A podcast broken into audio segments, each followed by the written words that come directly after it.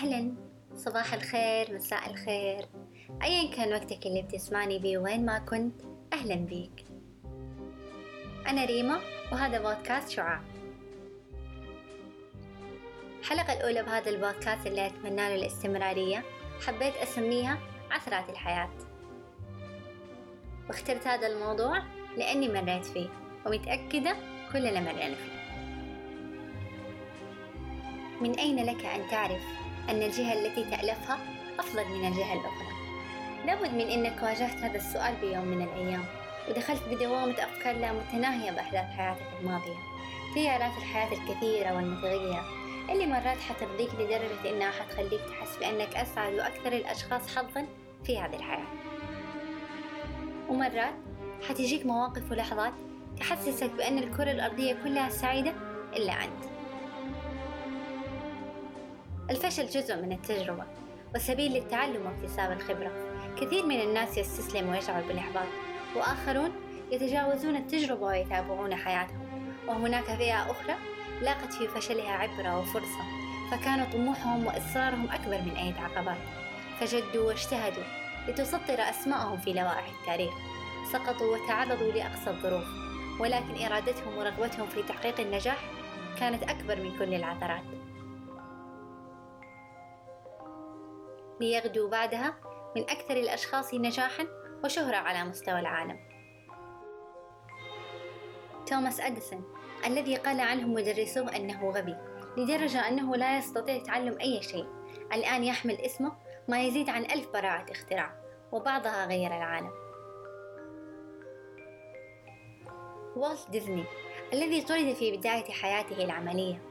من إحدى الصحف لضيق مخيلته وعجزه عن ابتكار قصص جديدة. وتعرض الاستديو الخاص به للإفلاس عام 1924 بعدها بعامين فقط من إنشائه. وكان على وشك الإفلاس مرة أخرى قبل أن ينقذه إنتاجه الفيلم الكرتون سنو وايت والأقزام السبعة.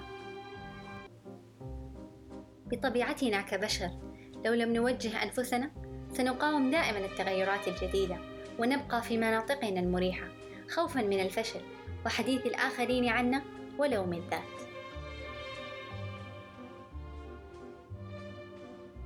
التغيير اللي بيحصل لك أمر طبيعي وممكن يكون حاجة جديدة توصلك للمكان اللي أنت تحاول تكون فيه بيوم من الأيام لكن لضيق مخيلتنا نتشاءم الحياة دائما متغيرة وهذه التغيرات اللي بتصادفك حتى لو ما كان مخطط لها حاول أن تواكبها.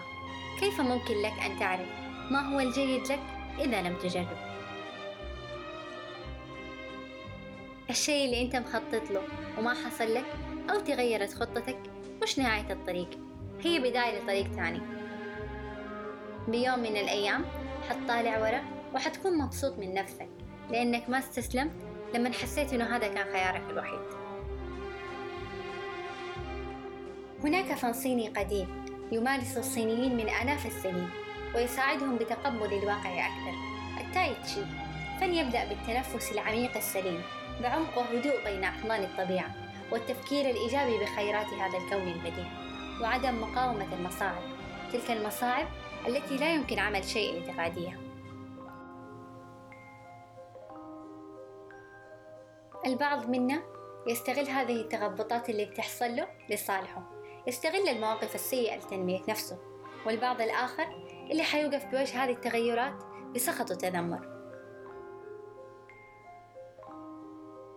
يقول شمس التبريزي بإحدى قواعده الأربعون حاول أن لا تقاوم المتغيرات التي تصادفك بطريقك بل اترك الحياة تنتعش بداخلك ولا تقلق إذا انقلبت حياتك رأسا على عقب. إذ من أين لك أن تعرف أن الجهة التي تألفها أفضل من الجهة الأخرى؟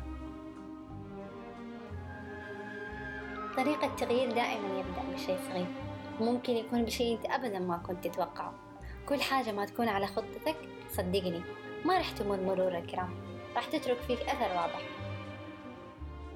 الخطة اللي وضعتها لنفسك ما تحققت أو تغيرت مش نهاية الطريق هي بداية طريق ثاني. لن تكون هناك نهاية إذا لم تكن سعيد.